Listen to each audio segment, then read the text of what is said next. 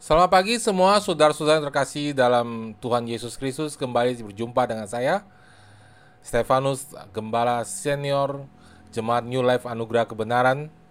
Salam sejahtera buat saudara yang berada di Serang, di uh, Citra Berada di Taipei dan di Surabaya. Dan saudara kita mulai hari ini sebelum kita berdoa Saya mau sampaikan uh, beberapa hal. Pertama saudara kekasih dalam Tuhan uh, Penting sekali sudah perhatikan Kita diciptakan Tuhan untuk bertumbuh. Ada amin saudara ya. Salah satu konsep yang sangat merusak di dalam hidup kekristenan adalah ketika orang bertobat, mereka masuk ke gereja, mereka masuk ke dalam gereja dengan konsep perawatan. Mereka pikir mereka datang ke gereja, artinya mereka pindah agama, mereka ikut sebuah tata cara kebaktian yang baru. Padahal tidak demikian. Nah, saudara-saudara, saya menganjurkan saudara untuk mendengarkan khotbah-khotbah saya dalam tahun 2020 dan tahun 2021 yang baru mulai ini, saudara ya. Bahkan saya sendiri pun merasa Tuhan uh, mendorong saya untuk kembali mendengar khotbah-khotbah saya di tahun 2020 karena memang di situ banyak statement-statement yang saya belum pernah katakan sebelumnya.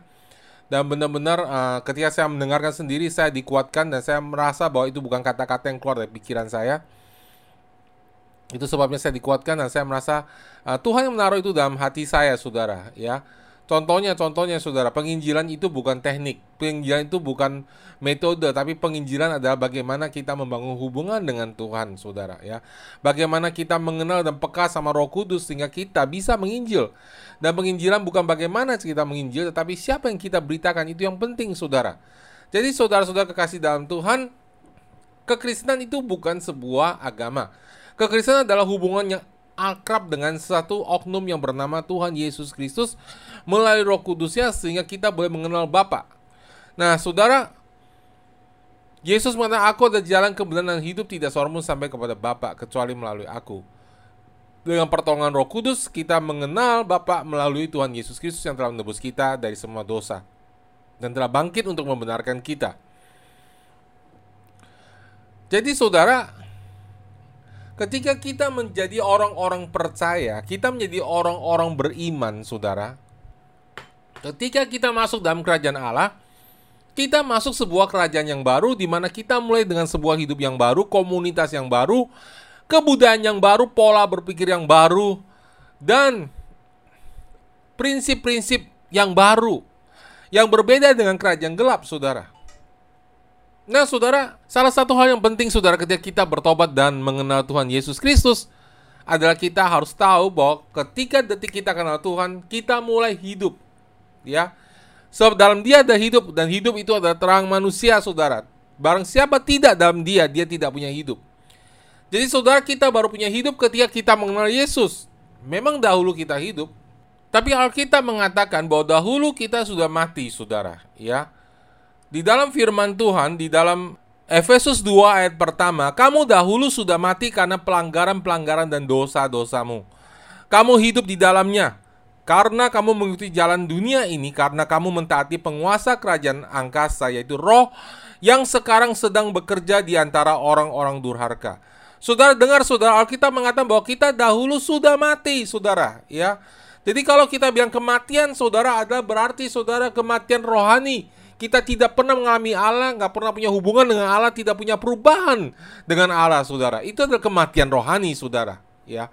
Nah, saudara, sayangnya, saudara, banyak orang Kristen ketika mereka lahir baru, mereka bahkan tidak sadar bahwa mereka lahir baru, bahwa mereka adalah ciptaan yang baru dalam Kristus, yang lama sudah berlalu, yang baru telah tiba, bahwa mereka sekarang berbeda dengan teman-teman mereka, bahkan dengan keluarga mereka. Itulah sebabnya, saudara, Mengapa saudara? Kenapa kadang-kadang kita sulit mengenangkan keluarga kita?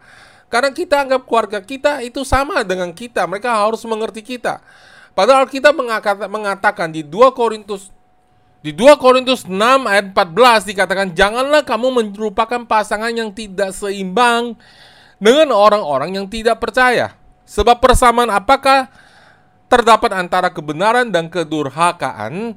Atau bagaimanakah terang dapat bersatu dengan gelap? Persamaan apakah yang terdapat antara Kristus dan Belial? Apakah bagian bersama orang-orang percaya dengan orang-orang tak percaya? Apakah hubungan bait Allah dengan berhala? Karena kita adalah bait dari Allah yang hidup. menurut firman Tuhan, menurut firman Allah ini. Aku akan diam bersama-sama dengan mereka dan hidup di tengah-tengah mereka dan aku akan menjadi Allah mereka dan mereka akan menjadi umatku. Ada amin saudara ya. Nah saudara, suatu ketika saya bicara sama satu anak, saya tanya sama dia, teman kamu sudah lahir baru belum? Dia bingung, memang lahir baru nggak lahir baru kenapa? Apa bedanya? Oh beda sekali saudara. Alkitab jelas bilang kita adalah terang dan mereka ada gelap. Terang dan gelap tidak bisa bersatu, terang dan gelap tidak bisa bersekutu. Apa artinya bersekutu, saudara? Bersekutu ketika kita curhat sama seseorang, kita ceritakan, kita pour out, kita mencurahkan emosi kita sama orang itu dan kita mulai men menerima pendapatnya dalam nilai-nilai kehidupan, dalam nilai-nilai kita menjalankan kehidupan ini, kita bersekutu. Tentu dalam hidup kita di dunia ini kita banyak bersahabat dengan orang tidak percaya, saudara. Ya, kita bisa bicara mengenai soal saham sama mereka, kita bisa bicara mengenai teknik mesin sama mereka, kita bisa bicara mengenai pelajaran sama mereka, kita bisa tukar pendapat saudara, dan kita bisa melalui tukar pendapat itu kita masukkan nilai-nilai kita, tapi kita tidak pernah bisa mencurahkan emosi kita, rasa sedih kita kepada mereka. Kenapa saudara? Karena mereka orang tidak percaya, mereka tidak mengerti, dan mereka hidup dalam gelap. Nah saudara ini sebabnya saudara kenapa ketika orang-orang percaya berusaha menangkan suami mereka, berusaha menangkan menenangkan uh, anak-anak mereka, berusaha menenangkan orang-orang dekat dalam keluarga mereka, mereka mengalami kesulitan. Kenapa saudara? Karena mereka tidak menarik garis, mereka menganggap bahwa orang-orang ini suami saya, istri saya, papa saya, anak saya harus dong mengerti saya. Padahal saudara dan saya ada dalam terang dan mereka dalam gelap. Mereka tidak bisa melihat Saudara yang kekasih dalam Tuhan, coba bayangkan saudara, bagaimana mungkin saudara, saudara bisa menyuruh orang yang belum bertobat, belum mengenal Tuhan Yesus Kristus, suruh mengampuni saudara, suruh mereka hidup dalam pengampunan, suruh mereka hidup dalam kebenaran saudara, sebab mereka hidup dalam kegelapan. Di, di luar Kristus, segala sesuatu ada kegelapan saudara. Dan karena itu saudara orang yang berada di luar Kristus tidak sanggup menyampuni seseorang, tidak sanggup mengerti saudara, tidak sanggup mengerti perasaan saudara. Kenapa saudara? Karena di luar dia tidak ada hidup. Amin saudara. Jadi kita taruh pengharapan yang salah. Dan kemudian kita datang ke gereja, kita nggak suka sama orang gereja. Kenapa saudara? Oh di gereja mereka saya tidak bisa jadi apa adanya. Apa maksudnya jadi apa adanya? Setiap kali saya cerita dosa saya, setiap kali saya cerita kelemahan saya, saya dihakimin. Saudara dalam kasih dalam Tuhan Yesus, kita sebagai saudara yang punya kasih yang sejati, saudara. Ketika ada yang salah, kita wajib menegur. Ada amin, saudara. Masa saudara seiman menyontek kita tak tegur? Masa saudara seiman merokok kita nggak tegur, saudara? Di mana kasih, saudara? Alkitab sendiri di dalam Amsal 27 ayat 5 mengatakan lebih baik teguran yang nyata-nyata daripada kasih yang tersembunyi. Ayat ke-6 seorang kawan memukul dengan maksud baik tetapi seorang lawan mencium dengan secara berlimpah-limpah. Dan di dalam Ibrani 12 ayat 5 mengatakan dan sudah lupakah kamu akan nasihat yang berbicara kepada kamu seperti kepada anak-anak. Hai anakku, janganlah anggap enteng didikan Tuhan dan janganlah putus asa apabila engkau diperingatkannya karena Tuhan menghajar orang-orang dikasihinya dan yang menyesal orang-orang yang diakuinya sebagai anak. Jika kamu harus jika kamu harus menanggung ganjaran Allah memperlakukan kamu seperti anak. Di manakah terdapat anak yang tidak dihajar oleh ayahnya?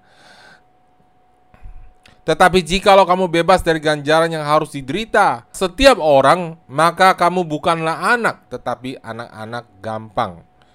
Selanjutnya dari ayat kita yang sebenarnya kita beroleh ganjaran dan mereka kita hormati. Kalau demikian bukan kita harus lebih taat kepada Bapa segala roh supaya kita beroleh hidup. Sebab mereka mendidik kita dalam waktu yang pendek sesuai dengan apa yang mereka anggap baik tetapi dia menghajar kita untuk kebaikan kita supaya kita beroleh bagian dalam kekudusannya. Nah, saudara di dalam bahasa Indonesia menghajar saudara ya. Kita harus hati-hati memakai uh, kalimat ini apalagi beberapa dari saudara dari kita semua punya latar belakang orang tua yang menghajar kita. Kata menghajar di sini adalah disiplin saudara ya. Dan disiplin bukan artinya menghajar dengan keras saudara. Disiplin itu banyak hal yang kita bisa lakukan dalam disiplin. Tapi kita tidak bicara mengenai situ. Tapi yang saya maksud adalah saudara kita sebagai anak Allah kita pasti mengalami teguran. Disiplin dari saudara-saudara seiman. Allah menegur kita, Allah membentuk hidup kita melalui saudara-saudara seiman. Bagaimana mungkin saudara bisa datang ke gereja dan berbuat dosa seenaknya? Tidak mungkin saudara. Ini kerajaan Allah, bukan bar saudara. Ya, tapi saudara bilang wah saya lebih enak di dunia. Saudara salah saudara. Kasihnya dunia itu adalah kasih yang palsu. Kasih di dunia tidak pernah memikirkan keselamatan rohani saudara. Mereka tidak mengenal keselamatan rohani. Mereka tidak punya hidup yang kekal. Mereka tidak tahu ke mana hidup mereka, saudara. Karena itu, saudara, sebagai orang-orang percaya, saudara, kita tidak bisa bersekutu dengan orang yang tidak percaya. Termasuk dengan keluarga kita, saudara. Ya, yang belum mengenal Tuhan. Ada amin, saudara. Jadi saudara, mari kita bertumbuh menuju kepada pendewasaan. Mari kita baca firman Tuhan di dalam 1 Korintus 3 ayat 2 mengatakan, Susulah yang kuberikan kepadamu bukanlah makanan keras sebab kamu belum dapat menerimanya. Dan sekarang pun kamu belum dapat menerimanya karena kamu masih manusia duniawi. Sebab jika di antara kamu ada iri hati perselisihan, bukankah hal itu menunjukkan bahwa kamu manusia duniawi dan kamu masih hidup secara duniawi? Karena jika seorang yang seorang berkata aku dari golongan Paulus dan yang lain mengatakan aku dari golongan Apolos, bukankah hal itu menunjukkan bahwa kamu adalah manusia duniawi dan bukan rohani? Kemudian kita lihat firman Tuhan di dalam uh, Ibrani 5 ayat 12. Sebab sekalipun kamu ditinjau dari sudut waktu sudah seharusnya menjadi pengajar, kamu masih perlu diajarkan asas-asas pokok dari pernyataan Allah. Dan kamu masih memerlukan susu, bukan makanan keras. Sebab barang siapa masih memerlukan susu, ia tidak memahami ajaran tentang kebenaran. Sebab ia adalah anak kecil, tetapi makanan keras adalah untuk orang-orang dewasa yang karena mempunyai panca indera yang terlatih membedakan yang baik daripada yang jahat. Sebab itu marilah kita tinggalkan asas-asas pertama dari ajaran tentang Kristus dan berkembang kepada dan beralih kepada perkembangan yang penuh. Amin saudara ya. Dan itu yang kita lakukan hari ini jikalau Allah mengizinkannya saudara. Nah saudara, jadi saudara di dalam Alkitab itu saudara dalam firman Tuhan itu ada tiga jenis manusia ciptaan baru saudara. Ketika saudara lahir baru, saudara pertama datang sebagai bayi, kemudian saudara adalah anak-anak muda di satu Yohanes katakan begitu. Dan kemudian saudara dan saya adalah bapak-bapak rohani. Nah, saudara, jadi saudara, makanan yang susu itu adalah orang-orang yang baru lahir. Amin, saudara. Tapi saya dipanggil Tuhan untuk membawa jemaat ini menjadi dewasa. Dulu saya berpikir begitu, saudara, di mana sih makanan yang susu dan yang uh, stick di gereja, di dalam Alkitab di ayat mana di pasal berapa untuk minuman susu di pasal berapa itu isinya adalah makanan keras saya berpikir oh kalau Wahyu itu pasti makanan keras oh kalau yang mudah dimengerti misalnya kitab uh, Yohanes, uh, kitab Roma itu adalah susu. Pikir saya seperti itu, saudara. Ternyata tidak, saudara. Ya, semua firman Tuhan itu adalah makanan buat kita Nah, apakah ia menjadi susu atau menjadi makanan yang keras tergantung usia rohani kita. Ketika seseorang mendengarkan dengan hati yang haus akan firman Tuhan dan kemudian mempelajarinya dengan sungguh-sungguh, lalu menaruhnya di dalam praktek melakukannya dalam hidupnya, kemudian kembali bertanya kepada Allah, maka perlahan-lahan Alkitab yang dibacanya itu menjadi makanan yang keras. Saudara perhatikan, ini dengan baik-baik. Ada amin, saudara. Saya ulangi lagi, saudara. Di dalam firman Tuhan Alkitab itu tidak membagi dirinya menjadi bagian yang susu dan makanan keras. Nggak ada, saudara. Semua isi Alkitab adalah makanan rohani. Nah, apakah makanan rohani itu menjadi susu atau menjadi makanan yang keras tergantung siapa yang memakannya. Bagi yang haus akan firman Tuhan, mempelajarinya, melakukannya dan kembali untuk menanyakannya artinya apa saudara? Tadi saudara meminta mencari dan kemudian dengan tekun melakukannya mengetuk. Maka perlahan-lahan Alkitab yang saudara baca itu menjadi makanan yang keras menjadi detail buat saudara. Saudara semakin mengerti. Itu sebabnya saudara kenapa setiap tahun kita baca Alkitab yang sama. Tapi saya mau kasih tahu saudara kalau saudara dan saya membaca Alkitab yang sama dan mulai melakukannya, maka pengertiannya akan mulai berbeda dan saudara dan saya akan bertumbuh. Amin saudara. Ya. Itu sebabnya saya baca Alkitab, wow banyak sekali hal-hal yang baru, yang bagus yang saya temukan saudara. Yang dulu tidak bisa saya temukan. Nah saudara, apa sih susu itu saudara? Susu itu gampang saudara. Sudah pernah lihat bayi minum susu? Klek, klek, klek. Selesai tidur, kenyang. Sit. Proses pencernanya mudah.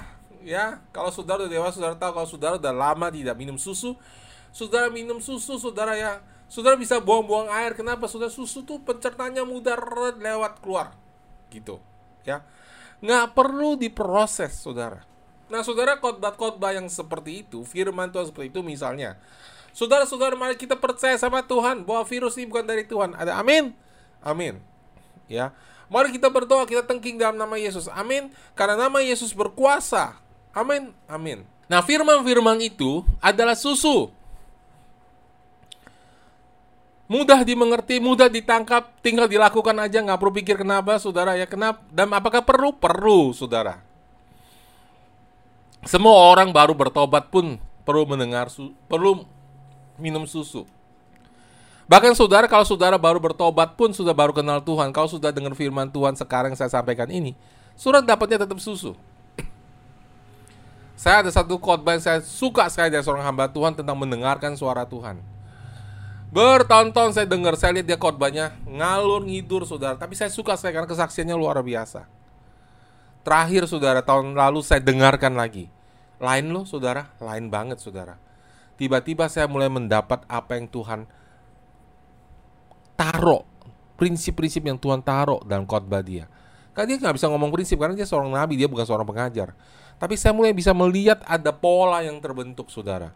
Saudara, kalau saudara menjadi orang yang dewasa rohani, saudara mulai melihat pola. Amin, saudara.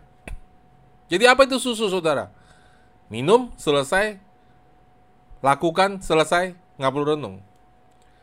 Tapi kalau makanan keras, nah itu makanan keras juga macam-macam kan, saudara ya. Seperti bayi, saudara ya, kalau satu tahun itu seingat saya, ketika anak saya tiga, ketika mereka berusia satu tahun ya, moga-moga benar ingatan saya ya, mereka boleh makan segalanya, Empat bulan mereka mulai boleh makan bubur. Bubur halus. Benar atau salah saya ibu-ibu ya. Kalau salah maafkan karena saya bapak ya. Tapi saudara, itu yang saya ingat saudara. Dan kemudian makanannya makin hari makin keras. Anak saya makin hari makanannya makin keras. Ya. Dulu susu, lama-lama tumbuh giginya saudara ya. Lalu dia mulai masuk makan makanan nasi yang lembek, bubur lalu nasi yang lembek lalu daging yang lembek, lalu burger, lalu makin lama makanannya makin mahal. Waduh, mahal itu kalau anak udah dewasa, saudara ya. Maunya enak ya. Bermutu, mereka mulai ngerti bisa menilai makanan. Nah, saudara, sebenarnya ini juga berlaku secara rohani, saudara. Ketika kita mulai dewasa, saudara, kita mulai merasakan makanan apa yang enak, dan mana yang kurang enak. Dan kita mulai berpikir, apa yang saya sampaikan saudara itu menyuruh saudara berpikir. Saudara kalau makan steak, saudara, saudara nggak bisa langsung telan loh, saudara. Saudara harus kunyah dulu. Kalau telan naik kesedak di sini, saudara, saudara nggak bisa bernafas. Sudah ada proses cernakan dulu, kunyah dulu. Ya. Jadi firman yang disampaikan perlu direnungkan, dipikirkan. Nih, hari ini hamba Tuhan ini sampaikan firman ini ngomongnya apa sih? Tuhan lagi arahkan ke mana? Dan makanan keras itu berupa cara berpikir. Nah, saudara, kalau saudara mendapatkan makanan bayi, saudara, saudara pakai sekali habis, saudara harus balik ambil makanan lagi. Itu sebabnya saudara bayi itu harus ketat follow up-nya. Tapi kalau makanan keras, saudara mulai lama-lama cara berpikir saudara mulai berubah. Dan saudara tidak akan nanya terus sama pemimpin sel saudara, sama pastor saudara, sama gembala sel saudara, gembala gereja lokal saudara. Pastor saya harus lakukan apa? Karena lama-lama saudara mulai melihat sebuah pola. Pikiran saudara mulai rapi, tersusun, terbangun. Dan saudara mulai kasih pertanyaan, saudara mulai bisa jawab sesuai pola. Dan saudara mulai melihat sebuah gambaran seperti apa Allah mau kita hidup. Kita mulai bisa melihat gambaran pikiran Allah. Itulah pikiran kerajaan Allah. Tetapi saudara, firman seperti itu tidak mungkin disampaikan langsung saudara pakai dan tidak mungkin disampaikan satu kali, tapi dia harus berseri. Dan semua firman satu sama firman lain itu berhubungan. Itu yang kita lakukan, saudara. Jadi, saudara, firman Tuhan yang kita sampaikan dari tahun yang lalu sampai ke tahun ini itu sangat berurutan. Sangat ada hubungannya. Siapa yang setia mendengarkannya berulang-ulang, merenungkannya lalu mempraktekannya, hidupnya mulai berubah. Saudara tidak perlu merubah hidup saudara. Firman itu, firman Allah yang hidup akan merubah kita. Suatu kita renungkan firman Roh Kudus akan menerangi, menerangi firman itu dan boleh kita mengerti. Ketika mata rohani kita terbuka dan melihat kebenaran firman Tuhan, cara berpikir kita berubah, lalu ketika cara berpikir kita berubah, gaya hidup kita berubah, omongan kita berubah, dan kuasa yang keluar dari hidup kita juga berubah. Amin, saudara. Makanya saudara, ya, Tadinya saya tuh saudara ya, saya merasa sedih banget nih. Uh, kembali pandemik saudara ya. Malah kali ini lebih ketat saudara. Dan saya benar-benar uh, kali ini uh, tidak bisa bertemu dengan saudara-saudara seperti dulu. Saya mengurangi sekali saudara. Tapi saya bersyukur saudara ini adalah waktu di mana saya bisa mengajarkan pada saudara dari hari ke hari dan adalah waktu di mana saudara bisa mendengarkan firman Tuhan dari hari ke hari. Saya ingat saudara ya, Paulus dulu saudara selama dua tahun saudara setiap hari mengajar murid-muridnya di ruang kuliah Tiranus saudara. Dan akhirnya saudara gereja Efesus menjadi gereja yang paling sukses dalam sejarah dunia. Saudara, gereja yang paling banyak mujizatnya. Saudara, saya berpikir ini karena kesempatan saudara. Memang saya belum tiap hari mengajar, tapi saudara bisa tiap hari mengulang apa yang saya ajarkan. Dulu mereka nggak bisa. Dan saya sendiri saudara ya, beberapa waktu ini merasa didorong sudah untuk mendengar kembali khotbah saya. Karena banyak hal yang saya sampaikan sendiri saya juga nggak nggak ingat saudara dan uh, itu adalah pemberian Allah dan saya sendiri tidak mendengarkannya dibangun olehnya. Lucu ya saudara. Ini pertama kali dalam hidup saya saya merasakan seperti itu. Biasanya khotbah yang paling saya nggak dengar, yang paling tidak saya dengarkan adalah khotbah saya sendiri, saudara. Tapi saya merasa saya didorong, dikuatkan. Jadi saudara, ini adalah waktu, ini adalah musim. Orang bijak adalah orang yang tahu musimnya dan hidup sesuai dengan musimnya dan menikmati musim tersebut. Karena musim ini pun akan berlalu. Tapi ini adalah musim pertumbuhan yang dahsyat buat kita. Kembali saudara, ini kembali menjadi pilihan hidup kita ada yang orang menghabiskan waktunya di warung, tidak belajar khotbah, tidak dengar firman, tidak baca Alkitab. Dia nggak sanggup saudara. Dia masih bayi rohani. Tapi saudara buat saudara-saudara yang rindu menjadi dewasa. Saudara yang mendengarkan firman Tuhan hari ini Tuhan, saya rindu jadi dewasa loh. Saya serius mau dipakai Tuhan. Sudah dengarkan firman ini berkali-kali berulang-ulang. Dan saya mau ajarkan saudara doa yang paling efektif yang saudara bisa lakukan. Ya. Kenneth Hagen berdoa ini seorang hamba Tuhan yang saya kagumin ratusan ribuan kali saudara dan hidupnya berubah. Dan saya mungkin mendoakan doa ini sudah puluhan mungkin juga ratusan kali. Dan saya merasa saya sebenarnya kenapa saya bisa sharing banyak karena Tuhan membuka mata rohani saya melalui doa ini. Jadi saudara, Buat saudara yang rindu bertumbuh, saya ajarkan saudara doa ini, saudara. Setiap pagi saudara doakan satu kali, malam satu kali, mau lebih juga nggak apa-apa, saudara. Mari kita buka firman Tuhan, saya ajarkan bagaimana cara berdoa, saudara. Dan mari kita berdoa, tapi saudara tidak perlu tutup mata. Saudara ikutin saya saja sama saya. Kita buka Efesus 1 ayat ke-17 sampai ayat ke-23. Jadi saudara-saudara mari ikutin saya doa bersama-sama mulai dari 16b dan kita berdoa untuk diri kita sendiri ya. Dan aku selalu mengingat dalam doaku. Mari kita berdoa bersama. Satu, dua, tiga. Dan aku selalu mengingat dalam doaku dan meminta kepada Tuhan kita Yesus Kristus, yaitu Bapa yang mulia itu, supaya ia memberikan kepadaku roh hikmat dan wahyu untuk mengenal dia dengan benar. Dan supaya ia menjadikan mata hatiku terang, agar aku mengerti pengharapan apakah yang terkandung dalam panggilannya Betapa kayanya kemuliaan bagian yang ditentukannya bagi orang-orang kudus.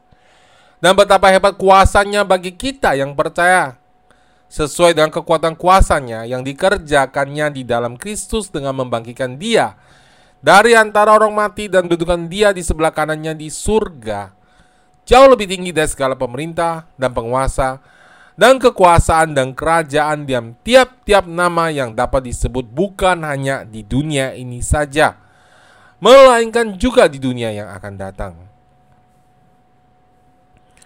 Dan segala sesuatu telah diletakkannya di bawah kaki Kristus.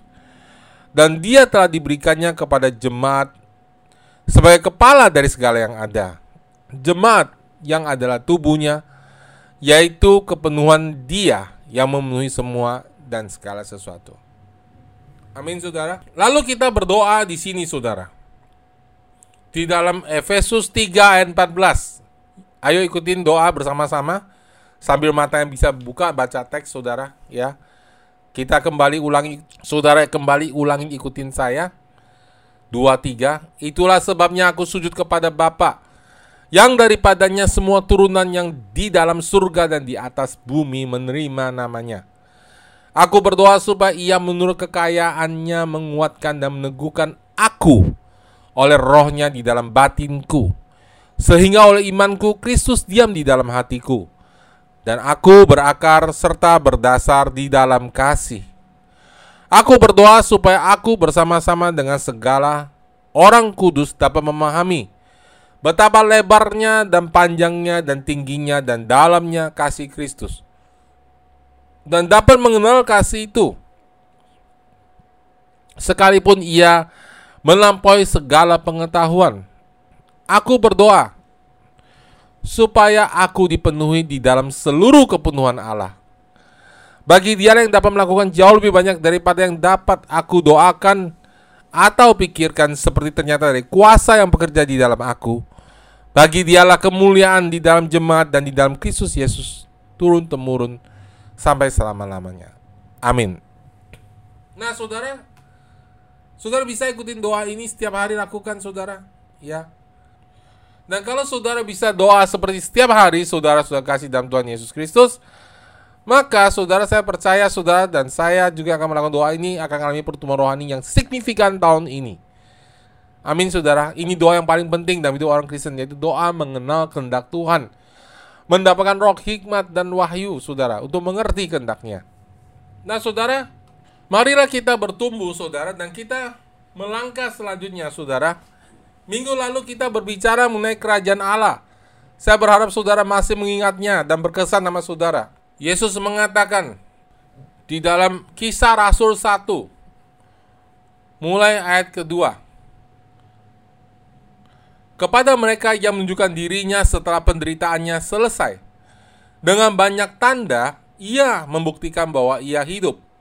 Sebab selama 40 hari ia berulang-ulang menampakkan diri dan berbicara kepada mereka tentang kerajaan Allah.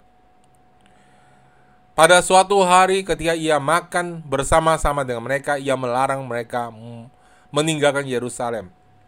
Dan menyuruh mereka tinggal menantikan di situ janji Bapa yang demikian katanya. Telah kamu dengar daripadaku sebab Yohanes membaptis dengan air tetapi tidak lama lagi kamu akan dibaptis dengan Roh Kudus. Jadi saudara ada dua hal yang sangat penting di sini yang kita lihat saudara. 40 hari. 40 hari. 40 hari terakhir untuk Yesus di muka bumi sebelum kedatangannya yang kedua kali, saudara. Saudara bayangkan saudara kalau saudara 40 hari terakhir berada di muka bumi ini sebelum saudara berpindah ke alam lain, ke rumah kita di surga. Apa yang saudara katakan kepada anak cucu saudara? Saya nggak tahu saudara ya, tapi pasti pasti saya udah perhatikan banyak orang ngomong, aku cinta kamu, papa mama sayang kamu, dan kemudian maafkan ya, jadi dua hal saudara, ya. Manusia ingin mengungkapkan kasih dan menyesal saudara untuk semua kekeliruan dia lakukan. Tapi puji Tuhan, kita bukanlah orang yang ditentukan untuk binasa. Amin. Harusnya saudara sebagai orang bijaksana, setiap hari dalam hidup kita, kita dalam hidup dalam kasih. Setiap malam kita terus metanoia, saudara. Merubah cara kita berpikir, cara kita bersikap sehingga akhir hidup kita saudara kita jangan menyesal tapi puas. Amin. Nah, saudara Yesus 40 hari, saudara. Apa yang dia katakan? Kepada mereka yang menunjukkan dirinya setelah penderitaannya selesai. Dan dengan banyak tanda, banyak tanda, saudara. Banyak bukti, saudara.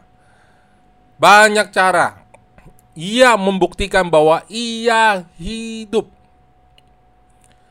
Selama 40 hari, ia berulang-ulang, berulang-ulang, berulang-ulang, berulang-ulang, berulang-ulang menampakkan diri dan berbicara kepada mereka berulang-ulang, berulang-ulang, berulang-ulang tentang kerajaan Allah. Amin, saudara. Ini firman yang dulu saya baca berulang-ulang, saya nggak perhatikan, saudara. Tapi Roh Kudus menunjuk ayat ini, saudara. Ada dua hal yang penting di sini. Dengan berbagai bukti yang menunjukkan dia hidup. Apa itu, saudara? Pertama, Tuhan mau berulang-ulang, ulang-ulang, ulang kita ingat dia itu hidup dan tahu apa yang kita sedang perbuat. Halo. Dia itu hidup, dia tidak mati. Jangan orang sakitin saudara, saudara ngomel. Tuhan hidup, Tuhan tahu, dan Tuhan menolong engkau untuk mengalami kemenangan kalau kau mendengar suaranya. Berulang-ulang Tuhan Yesus mengingatkan mereka bahwa ia sudah hidup kembali. Demikian pula kepada kita, itu sebenarnya tertulis di situ, bahwa kita harus ingat. Ingat saudara-saudara kekasih dalam Tuhan bahwa Yesus Kristus telah mati untuk dosa kita, telah bangkit untuk membenarkan kita. Saudara dan saya sekarang adalah orang benar. Dan lebih daripada itu, ia hidup di tengah kita. Ia tinggal di dalam hati kita. Sadarlah. Itu sebabnya berulang-ulang. Ternyata ini sangat penting, saudara. Banyak orang Kristen sudah berbuat dosa, melakukan ini, melakukan itu. Kenapa saudara gampang marah, gampang tersinggung? Karena tidak sadar, tidak ngeh, tidak ingat tidak mengerti. Tuhan ada di situ. Dan Tuhan memperhatikan apa yang sedang dilakukan. Dan Tuhan yang maha besar itu yang melakukan mujizat dalam hidup Yesus, Allah Roh Kudus, tinggal dalam hati kita dengan lembutnya. Dan kita harus mendengar suaranya dengan lemah lembut, bukan dengan hati yang keras. Jadi ini prinsip penting banget. Maka Ibrani 6 mengatakan barang siapa berpaling kepada dia, ia harus percaya bahwa ia ada dan ia memberi upah kepada orang sungguh-sungguh mencari dia. Percaya dia ada dulu, sadar akan kehadiran Allah adalah kunci saudara hidup kita mengalami kuasa mujizat, mengalami mengalami kebangunan rohani, mengalami roh yang takut akan Tuhan, sadar bahwa Tuhan hadir dalam hidup kita setiap hari. Hal yang kedua, berulang-ulang ia berbicara mengenai kerajaan Allah. Nah, saudara, ayat itu tidak menjelaskan lebih lanjut kerajaan Allah itu apa. Kita harus figure it out. Kita harus merenungkannya. Menangkap pengertiannya kerajaan Allah.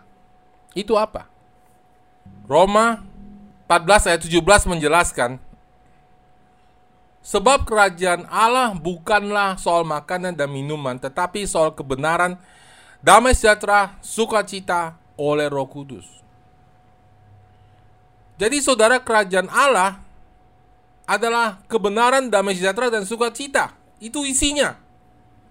Isi hadiratnya seperti itu. Dan Yesus mengatakan saudara di dalam tadi saudara di dalam Kisah para Rasul 1 ayat 3 Kepada mereka ia menunjukkan dirinya setelah penderitaannya selesai Dan dengan banyak tanda yang membuktikan bahwa ia hidup Sebab selama 40 hari ia berulang-ulang menampakkan diri dan berbicara kepada mereka tentang kerajaan Allah Pada suatu hari ketika ia makan bersama-sama dengan mereka Ia melarang mereka meninggalkan Yerusalem Dan menyuruh mereka tinggal di situ menantikan janji Bapa yang demikian katanya Telah kamu dengar daripadaku Sebab Yohanes membaptis dengan air tetapi tidak lama lagi kamu akan dibaptis dengan Roh Kudus. Wow, saudara. Ketika saya renungkan firman Tuhan ini, saudara, Yesus mengatakan, dia berulang-ulang bicara kerajaan Allah, saudara berulang-ulang sudah menunjukkan dirinya hidup. Dan ketika selesai dia bilang, oke okay, tunggu di sini Roh Kudus akan datang dan kamu akan dibaptis dengan Roh Kudus. Wow, saudara. Kapan kerajaan Allah datang, saudara? Ketika Roh Kudus datang dalam hidup seseorang. Amin, saudara. Pasti firmannya terlalu berat, aku nggak ngerti. Ya kalau terlalu berat, tidur aja saudara ya. Tapi saya kasih tahu saudara, saudara nggak akan jadi dewasa kalau saudara nggak merenungkan firman Tuhan. Amin. Nah, ada orang dipanggil untuk khotbah yang ringan-ringan, yang lucu-lucu. Itu bukan panggilan saya, saudara. Jadi saya berikan terbaik yang saya bisa berikan kepada saudara. Amin. Ya. Saya dipanggil Allah untuk mengajar saudara, mengajar semua nilai-nilai kebenaran. Amin, saudara. Jadi kerajaan Allah dimulai ketika Roh Kudus datang dalam hidup kita. Kita masuk dalam kerajaan Allah. Nah, kerajaan Allah ini kita nggak bilang banyak. Kita harus figure it out. Kita harus menangkap sendiri gambaran seperti apa. Seperti saya ngomong kerajaan itu ada wilayah, ada rajanya, ada hukumnya. Amin, saudara. Rajanya Yesus Kristus, hukumnya. 1 Korintus 13 ayat 13, demikianlah tinggal ketiga hal ini, iman, pengharapan, dan kasih. Dan yang paling besar di antaranya ialah kasih. Ketiga hukum ini dasar saudara prinsip di dalam kerajaan Allah. Di dalamnya lahir prinsip-prinsip lain. Ada amin saudara. Nah, saya mau teruskan saudara, kerajaan Allah adalah sebuah komunitas saudara. Kerajaan Allah adalah sebuah keluarga. Banyak orang datang ke gereja mengharapkan gereja itu seperti rumah sakit.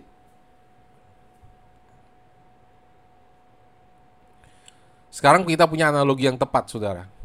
Saudara tahu ya, sakit COVID itu kematiannya angkanya itu di Indonesia cukup tinggi, 3%, saudara. Kalau di negara-negara maju 2%. Sebenarnya tadinya kalau cuma 2%, artinya cuma 2% yang perlu ditanganin kan saudara. Itu tidak jadi masalah harusnya. Tapi kan masa tidak tahu siapa yang akan mati, siapa yang mati. Jadi semuanya ditangani di rumah sakit. Akibatnya saudara rumah sakit membludak. Full, penuh. Penuh dengan orang sakit. Akhirnya apa saudara? Dokter-dokter kecapean dan dokter-dokter mati. Banyak tenaga kesehatan yang meninggal. Saudara, ini adalah analogi yang sangat tepat sekali menggambarkan kondisi dalam gereja. Saudara tahu nggak? Kita terus nginjil, terus nginjil, undang orang baru, undang orang baru. Orang bertanya, kenapa sih orang keluar masuk gereja? Nanti saya akan ajarkan lebih jelas dalam pemuritan, saudara. Tapi jawabannya tidak ada orang yang nampung. Tidak ada orang yang punya kapasitas untuk nampung. Saya barusan dari kota Cirebon, saudara, dan istri saya, saya ketemu dengan seorang gembala. Dan gembala cerita tentang gembala lain yang melayani di Amerika Serikat, saudara. Dan gembala ini sangat menggembalakan. Tapi masalahnya saudara punya hati gembala tidak cukup. Tapi perlu hikmat, saudara. Itu sebabnya, saudara. Saudara perlu berdoa Efesus itu minta hikmat Allah. Jadi dia cerita. Dia cerita bahwa gerejanya itu Di Amerika orang datang kebaktian tidak bisa satu hari. Macam-macam harinya. Karena semuanya shift. Banyak tenaga kerja imigran gelap di sana. Mereka kerja yang bisa kebaktian jam 11 malam, jam 12 malam. Nah, saudara gembalanya ini ikutin, saudara. Akibatnya setiap hari, setiap hari ada kebaktian. Kadang-kadang jam 12 malam, saudara. Isinya cuma enam orang. Bayangin, saudara. Setiap hari kebaktian. Jamnya nggak tentu. Sesuai yang dombanya mau. Nomor satu, kalau kita lakukan seperti itu, kita tidak bisa membangun tentara. Amin. Nomor dua, orang akan lebih mengutamakan pekerjaan daripada panggilan Allah. Harusnya mencari pekerjaan yang bisa. Berdoa dong, minta Tuhan lakukan mujizat. Akibatnya saudara, gereja itu penuh dengan seperti rumah sakit COVID itu penuh dengan bayi-bayi yang nggak pernah dewasa. Yang tiap kali datang, oh tolong Pak Gembala, lainin saya, lainin saya. Kok gereja ini nggak hangat sih seperti dulu? Waktu gereja ini masih kecil, dulu 30 orang hangat banget. Sudah pernah dengar itu? Tiba-tiba sekarang udah 100 orang, 200 orang, gembalanya cuek. Pernah dengar begitu? Dulu saya bisa jawab, saudara. Sekarang saya bisa jawab, saudara. Orang ngomong gitu, saudara nggak mikir. Saudara, kalau saudara kasih saya titip anak di rumah saya, Dua anak, saya akan perhatikan kalau saya nggak punya anak. Saya punya tenaga. Lima masih saya perhatikan. Dua puluh cuek saudara. Lima puluh orang pakai pakai nomor. Nomor satu makannya ini, nomor dua makannya ini, nomor ini. Saya nggak akan perhatikan lagi. Kenapa saudara? Saya nggak punya kapasitas lagi. Karena semua yang datang itu bayi. Ngerti nggak saudara? Makanya ketika sebuah gereja itu menjadi besar, gereja itu menjadi dingin. Halo. Kenapa saudara? Karena gembalanya dan para pemimpinnya yang cuma sedikit itu kewalahan melayani orang segitu banyak tidak bisa detil lagi seperhatian seperti dulu. Apalagi kalau gembalanya tidak tidak bertumbuh di dalam Tuhan, dia tidak lakukan pemuritan, dia berusaha melayani semua orang secara mendetil. Akibatnya saudara, gereja itu kehilangan atmosfernya, gembalanya kecapean dan jemaatnya kecapean karena tidak tahu Tuhan memimpin mereka ke mana dan bagaimana cara bertumbuh menurut firman Tuhan.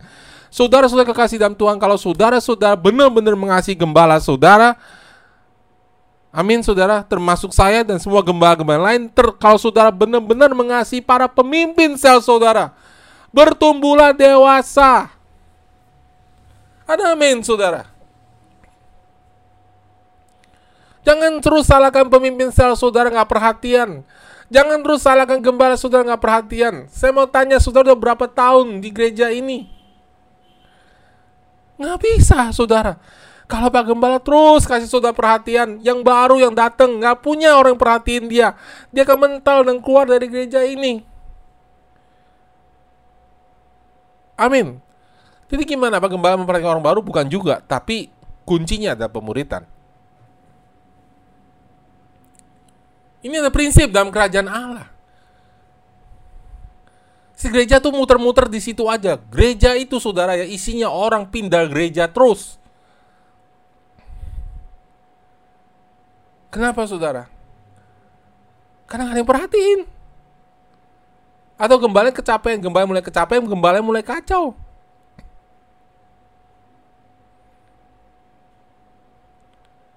Itu sebabnya saudara doa Efesus itu penting banget buat saya dan buat saudara. Supaya kita bisa bertumbuh sesuai dengan hikmat Allah. Amin saudara.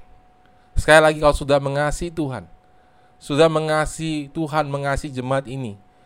Mengasihi para pemimpin sel saudara, mengasihi para gembala saudara. Bertumbuhlah jadi dewasa, mulailah memberi. Mulailah berikan hidupmu untuk orang lain Mulai berikan hidupmu untuk bayi-bayi rohani supaya hidupmu sendiri menjadi dewasa. Amin. Jadi saudara orang datang ke dalam kerajaan Allah menganggap kerajaan Allah itu seperti rumah sakit. Ya isinya orang sakit semua. Rumah sakit gimana sih saudara? Rumah sakit kalau sudah datang, sudah sembuh sudah pergi, sakit datang lagi. Kan begitu kan? Atau kadang konsepnya gereja itu bioskop. Kita lihat gembalanya lucu. Kita dapat hiburan hari ini. Beban saya ringan kenapa saya datang ke gereja hari khotbah saya dihibur loh. Nggak pernah berpikir untuk menjadi bagian dari pelaku firman. Apalagi saudara, gereja adalah supermarket. Cari supermarket paling nyaman, paling lengkap, dan paling murah. Kalau bisa, gerejanya punya banyak fasilitas, gembalanya lucu. Mau sekolah minggu ada, gereja anak remaja ada. AC-nya mantep, lampunya mantep, musiknya mantep, Parkirnya itu penting bro. Kita punya mobil dan motor nanti hilang semua, parkirnya nggak nyaman.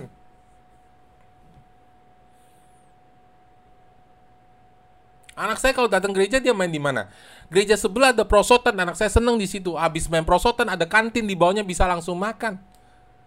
Makanya sudah banyak gereja buka di mall. Orang seneng fasilitasnya. Pulang gereja jalan-jalan. Nah, bukan di mallnya yang salah, saudara.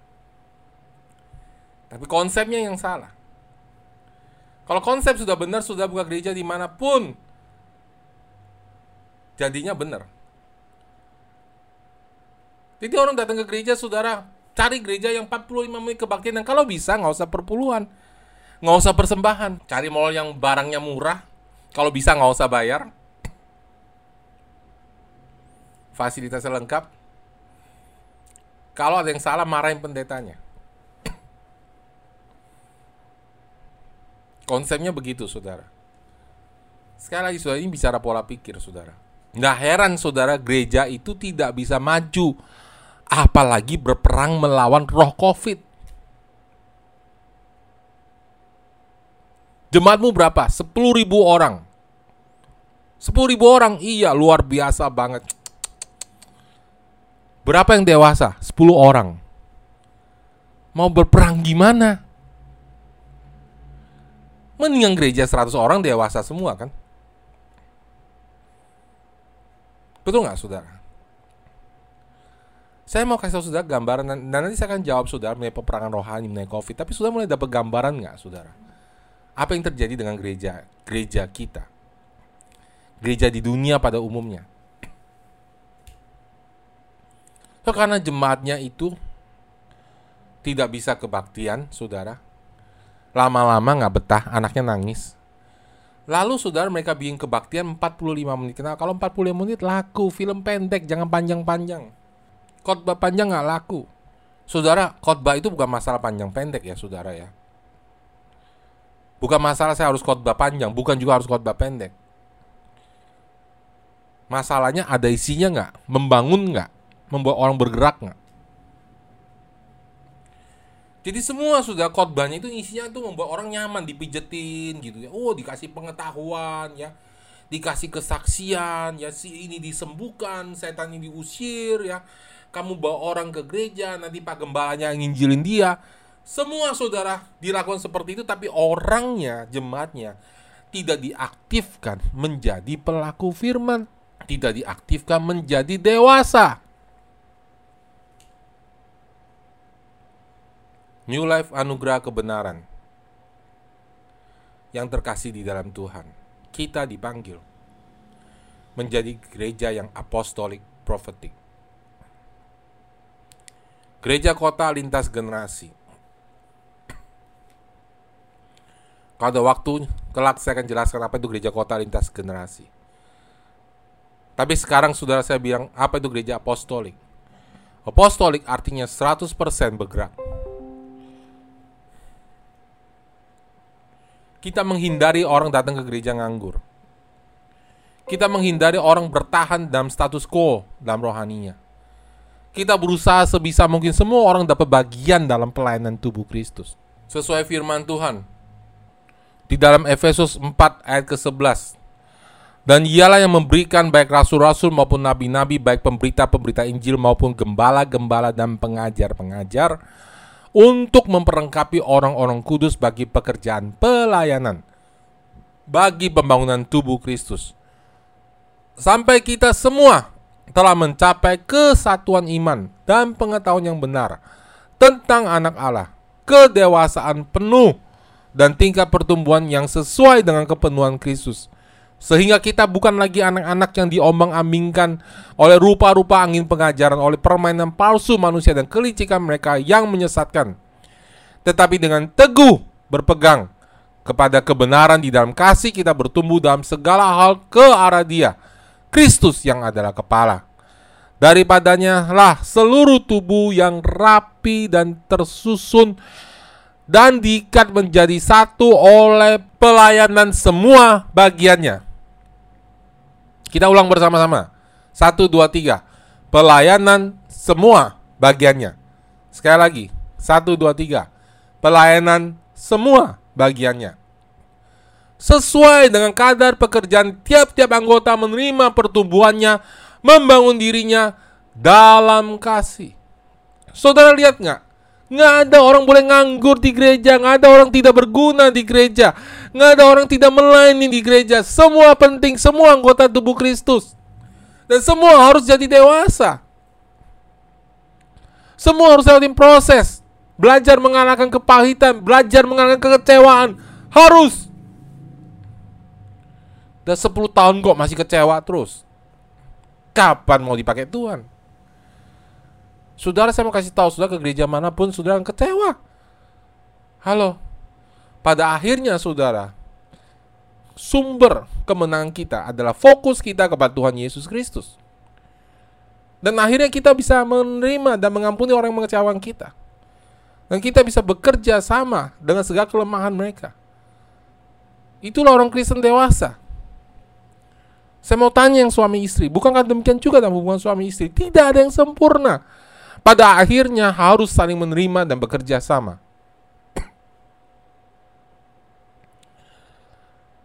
Dan tidak fokus pada kelemahan pasangannya. Demikian juga dalam tubuh Kristus. Jadi saudara ini sebuah masalah yang sangat besar. Tubuh Kristus yang tercerai berai. Nah saudara yang kasih dalam Tuhan ketika orang datang ke gereja sekarang, orang berpikir gini, saya datang ke gereja. Jarang saya ngomong, saya menjadi keluarganya komunitas gereja ini sekarang. Jarang. Saya datang ke gereja. Saya mengunjungi jemaat ini. Saya penonton. Gereja ini nggak boleh kutak atik hidup saya. Kalau saya suka, saya akan tetap di sini. Kalau saya nggak suka, saya akan pindah. Kalau anak saya sudah remaja, nggak punya gereja, nggak punya pelayanan remaja, pindah.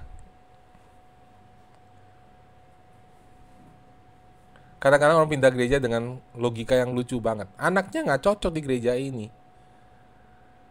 Lah yang mimpin tuh bapaknya apa anaknya sih? Jadi bapaknya ikut pelayanan anaknya. Saudara lihatlah. Banyak sekali pola pikir yang salah seperti itu. Gereja ini nggak ada sekolah minggu. Jadi saya pindah ke gereja ada sekolah minggu. Gereja ini nggak ada tempat parkir. Kenapa saudara? Karena semua orang mengunjungi gereja bukan menjadi gereja. Kita bertobat dan lahir baru, saudara. Kita menjadi satu tubuh, saudara. Ada amin, saudara. Jadi, saudara, kita lihat, saudara, apa yang Tuhan katakan tentang gereja. Di dalam Efesus 2 ayat 8 Sebab karena kasih karunia kamu diselamatkan oleh iman, itu bukan hasil usahamu. Tetapi pemberian Allah itu bukan hasil pekerjaanmu. Jangan ada orang yang memegahkan diri. Karena kita ini buatan Allah diciptakan dalam Kristus Yesus untuk melakukan pekerjaan yang baik yang dipersiapkan Allah sebelumnya. Ia mau supaya kita hidup di dalamnya. Karena itu ingatlah bahwa dahulu kamu sebagai orang-orang bukan Yahudi menurut daging yang disebut orang-orang tak bersunat oleh mereka menamakan, menamakan dirinya bersunat. Yaitu sunat lahir yang dikerjakan oleh tangan manusia. Bahwa pada waktu itu kamu tanpa Kristus tidak termasuk kewarganegaraan Israel dan tidak mendapat bagian dalam ketentuan-ketentuan dijanjikan tanpa pengharapan dan tanpa Allah di dalam dunia. Tetapi sekarang di dalam Kristus Yesus kamu yang dahulu jauh sudah menjadi dekat oleh darah Kristus. Karena dialah damai sejahtera kita yang telah mempersatukan kedua pihak dan yang telah merubuhkan tembok pemisah yaitu perseteruan Sebab dengan matinya sebagai manusia, ia telah membatalkan hukum Taurat dengan segala perintah dan ketentuannya untuk menciptakan keduanya menjadi satu manusia baru di dalam dirinya. Dan dengan itu mengadakan damai sejahtera dan telah men, dan untuk mendamaikan keduanya di dalam satu tubuh dengan Allah oleh salib dengan melenyapkan perseteruan pada salib itu. Ia datang memberitakan damai sejahtera kepada kamu yang jauh dan damai kepada mereka yang dekat. Oleh karena dia kita kedua pihak oleh roh boleh jalan masuk kepada Bapa. Demikianlah ayat 19. Ya. Demikianlah saudara, kita baca bersama 2 3. Demikianlah kamu bukan lagi orang asing dan pendatang melainkan kawan sewarga dari orang kudus dan anggota-anggota keluarga Allah. Ada amin saudara? Yang dibangun di atas dasar para rasul dan para nabi dengan Kristus Yesus sebagai batu penjuru. Di dalam Dia tumbuh seluruh bangunan rapi tersusun menjadi bait Allah yang kudus di dalam Tuhan. Di dalam Dia juga kamu juga turut dibangunkan menjadi tempat kediaman Allah di dalam Roh. Jadi saudara, pertama saudara kita dipanggil menjadi sebuah keluarga. Ada amin saudara, ya. Nah, saudara di dulu zaman dulu dikata di Alkitab ini, saudara, dulu tuh hukum Taurat memisahkan kita semua saudara dan saya tidak peduli saudara apakah saudara orang Indonesia, orang bule, orang Jepang, orang Chinese, orang India, merah, uh, kuning, ya, apalagi kulitnya, hitam, putih, orang uh, Afrika, saudara kita semua tidak masuk untuk mendapatkan janji Allah. Kita semua orang-orang kafir. Dan saudara Allah pada zaman dahulu keselamatan tidak diberikan kepada bangsa-bangsa, tetapi hanya eksklusif untuk bangsa Israel. Kita semua ini orang-orang najis. Allah cuma mengenal itu, saudara. Bangsa Israel dan orang non-Israel.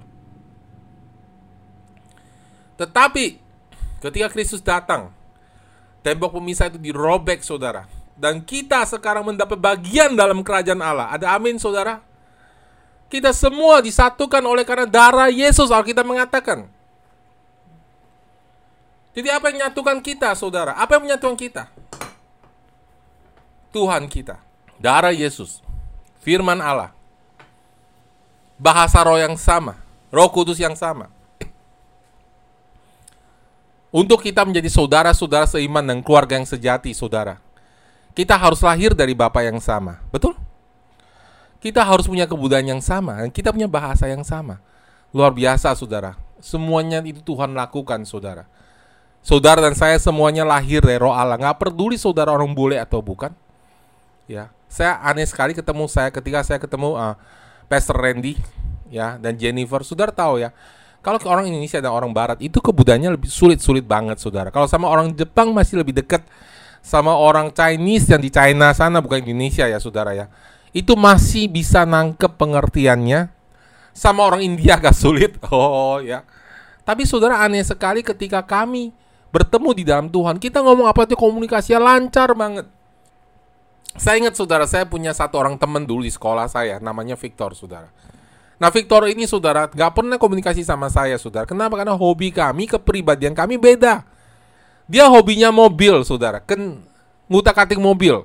Saya hobinya kumpulin perangko, saudara. Koleksi, investasi lah, gitu.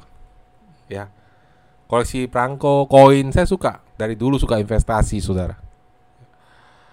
Makanya sekarang saya suka investasi di orang-orang yang berharga dipanggil Tuhan untuk menjadi hamba-hamba Tuhan yang besar. Ada amin?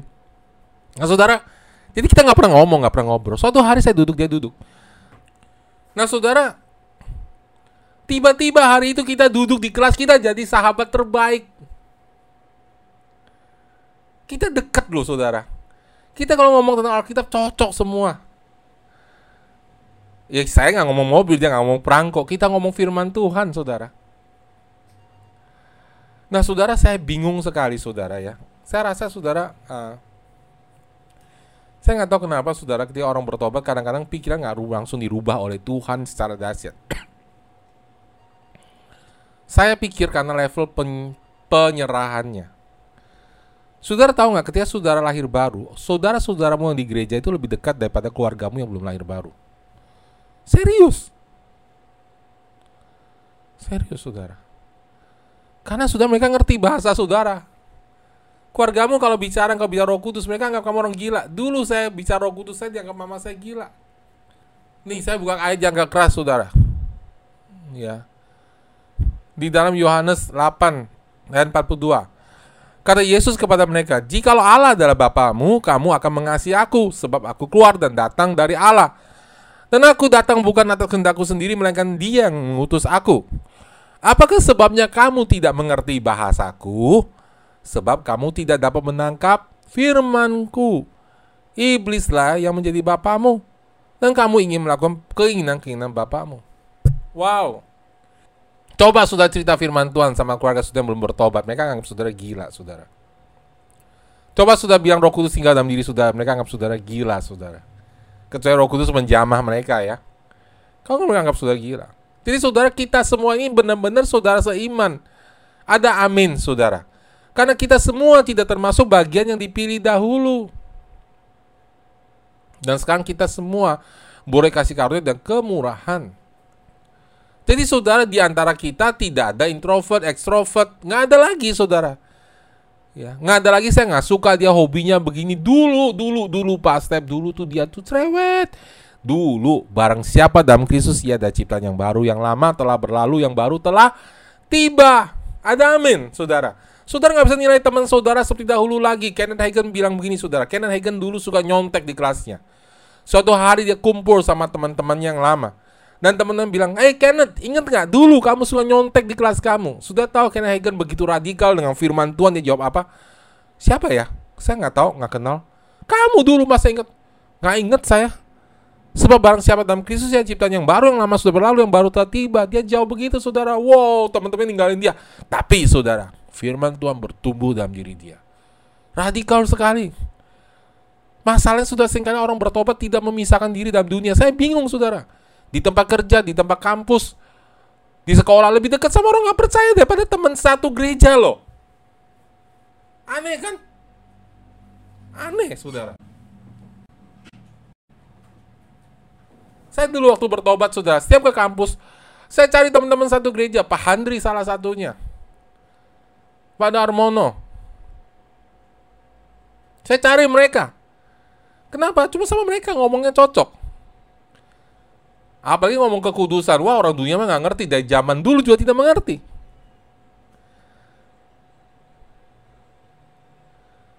Jadi saudara harusnya di tempat kerja tuh kita lebih dekat sama saudara seiman. Itu normal. Lebih dekat di sekolah sama teman-teman satu iman, satu gereja saling menolong. Lalu saudara lebih dekat sama orang dunia, nggak heran saudara tidak bisa memenangkan mereka dalam penginjilan. Nggak heran saudara karena saudara tidak memiliki kekuatan rohani, karena saudara tidak mengerti kuasa komunitas.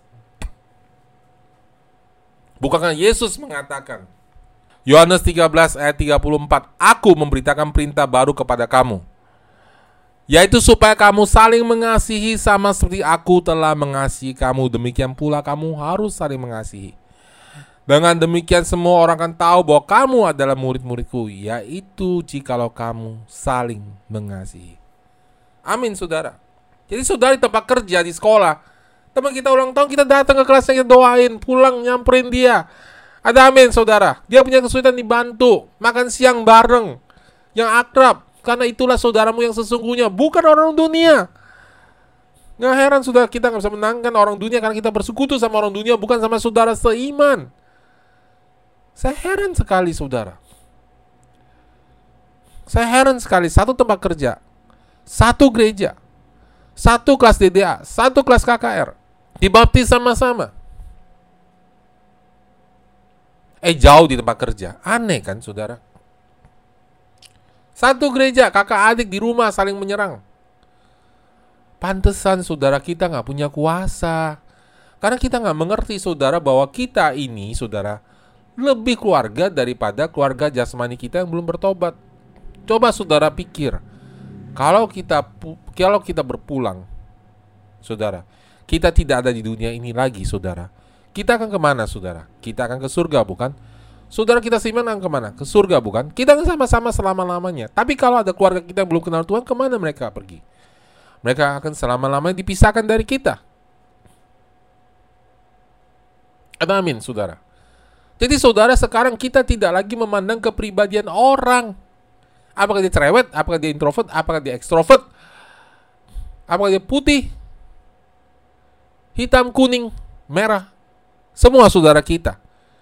Asal dia lahir baru. Ada amin saudara. Percaya Tuhan Yesus. Itu semua saudara seiman. Yang perlu kita bimbing, kita bantu, ada amin? Nah saudara, demikian juga tidak ada lagi suku-suku di dalam gereja kita. Nggak ada lagi orang Batak, orang Jawa, orang keturunan Chinese, orang keturunan India. Nggak ada saudara, orang keturunan Jepang, nggak ada saudara. Orang Manado, orang Kalimantan, kita semua satu di dalam Kristus Yesus Tuhan. Ada amin? Kita tidak membedakan satu sama lain. Barang siapa yang dipanggil diurapi Tuhan, barang siapa berdiri sebagai pemimpin, dia yang akan berdiri, saudara, untuk memimpin gereja ini. Kita lihat sesuai kapasitas dan panggilan Tuhan dalam hidupnya, bukan suku, bukan bangsa. Nah, saudara memang suku-suku tertentu, misalnya suku Chinese, saudara ya, ada kelemahan tertentu, saudara. Tapi kita nggak bisa generalisasi, saudara. Kenapa? Karena kita adalah baru di dalam Kristus Yesus. Ada amin saudara. Ya. Saudara lihat saudara yang saudara yang bertobat di dalam Tuhan berbeda dengan satu suku saudara yang di luar Tuhan. Makanya saudara ketika kita lahir baru saudara, kita tahu kita lebih keluarga sama jemaat ini daripada sama keluarga tradisi kita. Ada amin? Nomor satu, kita dipanggil menjadi satu keluarga.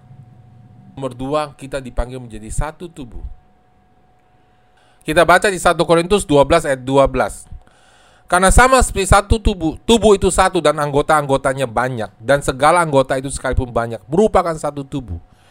Demikian pula Kristus, sebab dalam satu roh kita semua, baik orang Yahudi maupun orang Yunani, baik budak maupun orang merdeka, baik bos maupun bawahan, baik pemilik maupun orang pekerja, saudara. Saudara telah dibaptis menjadi satu tubuh dan kita semua diberi minum dari roh yang satu. Kita semua diberi minum dari satu roh.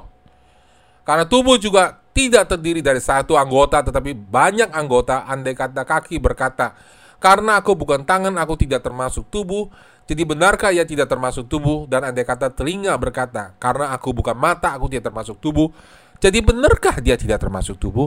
Andai kata tubuh seluruhnya ada mata, adalah mata di mana pendengaran, andai kata seluruhnya adalah telinga, di manakah penciuman? Tetapi Allah telah memberikan kepada anggota masing-masing secara khusus suatu tempat pada tubuh seperti yang dihendak kehendakinya. Sampai di situ, amin. Saudara boleh baca seterusnya di rumah. Ya, nanti setelah selesai ibadah, tetapi ini saya mau tutup dengan ini. Allah mengatakan kita adalah tubuh. Tapi fungsi kita beda. Tidak semua gembala, tidak semua pengajar, tidak semua asir. Ada amin saudara. Nanti kita masuk kepada karunia-karunia rohani, karunia-karunia motivasi untuk menemukan tempat di mana Allah menaruh saudara. Tapi Alkitab mengatakan jelas bahwa Allah menempatkan kita masing-masing suatu tempat di dalam tubuh sesuai dengan kehendaknya. Jadi Allah taruh kita dalam satu tubuh. Dari mana saya tahu Allah menaruh saya dalam tubuh ini? Gampang. Saudara nggak nanya, keluarga, Pak Salim nggak nanya, saya lahir, saya keluarga Pak Salim bukan. Kalau anaknya lahir di keluarga Pak Salim, dia keluarga Pak Salim. Anak saya nggak nanya, saya keluarga Karsiono bukan. Kalau dia lahir di keluarga Karsiono, dia anak Karsiono. Dia keluarga kami. Di mana saudara lahir baru, itulah keluarga rohani saudara. Halo, ada amin. Saudara dipanggil menjadi keluarga, bukan pindah-pindah. Kalau kecewa pindah, salah saudara. Ada amin saudara? Lalu saudara akan bertumbuh menjadi dewasa. Wah gereja ini kurang nih, kurang apa? Nggak ada pelayanan sekolah minggu. Bikin. Ini keluarga kita. Ada amin? Seperti keluarga kami saudara, keluarga jasmani. Anak-anak melihat, Pah ini tempat ini kurang rapi. Rapiin. Pah, uh, saya punya usul pak, ini bikin begini Oh, papa ada dana, kamu bikin. Jangan hanya kasih usul, jadilah pelaku. Ada amin, jadilah solusi. Paling gampang ngelihat sesuatu kasih usul tapi nggak kerjakan sesuatu harus jadi bagian dari solusi. Dan kalau saudara melihat sesuatu itu berarti Allah memanggil saudara menjadi bagian dari solusi. Begitu ceritanya untuk menerima, untuk menemukan panggilan hidup saudara. Ada amin saudara. Ya. Jangan pindah-pindah. Saya berdoa Allah merubah pikiran kita semua. Amin saudara. Nggak ada orang pindah keluarga. Nggak ada juga anggota tubuh itu pindah. Tangannya bilang aku nggak suka, aku pindah. Pantatnya bilang aku marah, aku tidak mau kentut. Lalu seluruh tubuh menderita. Ada amin saudara. Ya. Terus saudara, satu menderita semua menderita. Nah kita nggak punya konsep ini loh saudara.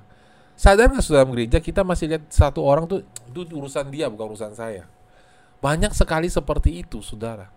Kita nggak punya beban, kita cuma ambil satu bagian kecil dari gereja itu tidak merasa bagian dari seluruh anggota tubuh di gereja itu. Itu salah, saudara. Ada amin, saudara. Ya. Kedua, saudara. Ada anak-anak adopsi sudah sudah diadopsi saudara. Entah karena suatu sebab saudara harus pindah dari gereja saudara.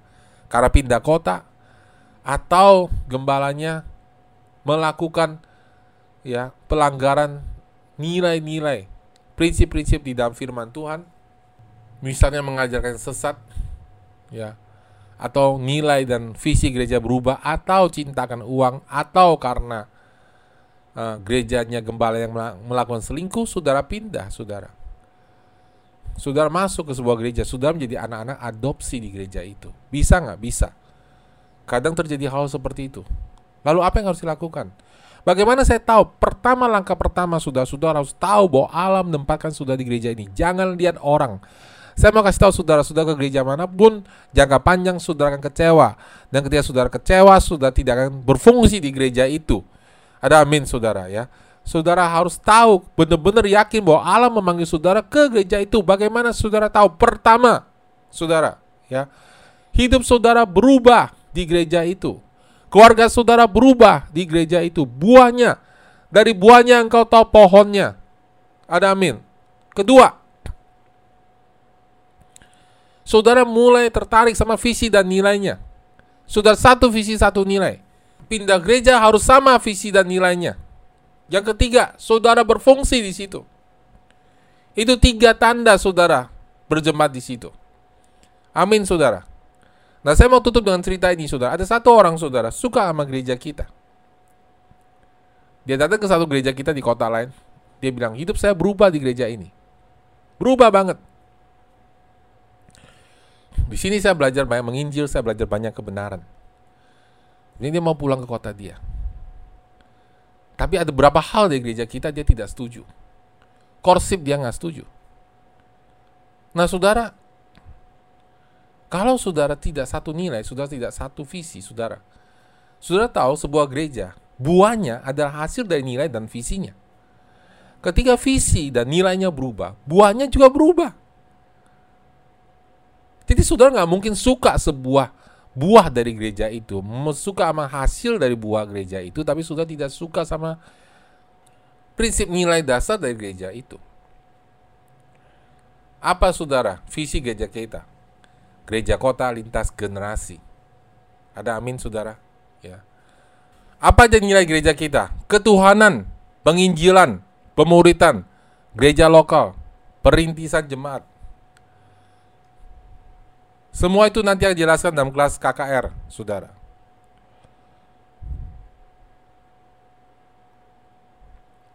Ada amin, saudara. Jadi saudara saya yang selesai khotbah saya hari ini, saudara, ya. Tapi saudara, marilah saudara, kita berubah konsep kita, saudara. Gereja bukan rumah sakit. Gereja saya kurang bagus. Musiknya kurang. Ambil perbagian untuk memperbaikinya. Ada amin, saudara. Karena jemaat ada milik saudara, visi milik saudara. Ada amin. Karena dalam gereja apostolik semua ambil bagian dan pada akhirnya setiap orang akan bertanggung jawab di hadapan Allah. Sudah jangan bilang saya dulu jemaat gereja di NLAK tapi nggak pernah kebaktian. Tuhan akan nanya lo saudara, kamu gereja di mana? NLAK, kenapa kamu nggak bertumbuh di situ? Ya saya lebih bertumbuh di gereja ABC. Loh, kamu tadi bilang kamu gereja mana? NLAK. Terus saya ke ABC. Aku suruh kamu ke ABC. Nah, saudara, ini adalah konsep yang sangat penting dalam mengerti komunitas dalam kerajaan Allah Sebelum kita masuk kepada minggu depan bagian kedua dari seri kuasa tentang kerajaan Allah. Amin. Kuasa komunitas kerajaan Allah. Mari kita tutup dengan doa, saudara. Saya rasa cukup untuk hari ini dan kita akan lanjutkan minggu depan. Bapak di surga kami syukur untuk firmanmu. Aku berdoa, roh kudus kau urapi biar firman ini menjadi kehidupan dalam hati kami. Biar kami mempunyai beban yang sama, bisa melihat cara engkau memandang Tuhan di dalam kerajaan Allah dan kami bersama-sama membangun kerajaan Allah ini demi kemuliaan namamu. Terima kasih Bapak kami ucap syukur di dalam nama Tuhan Yesus Kristus kami berdoa dan ucap syukur. Amin. Amin semua saudara sama siang saya mengasihi saudara, Busian mengasihi saudara ya. Rindu kita berjumpa kembali tetapi saat ini kita berjumpa di YouTube, di Zoom saudara karena ini adalah musimnya di mana saudara-saudara untuk belajar firman Tuhan bersama-sama dan bisa mengulang-ulang. Amin saudara. Tuhan Yesus memberkati. Sampai jumpa lagi. Dadah.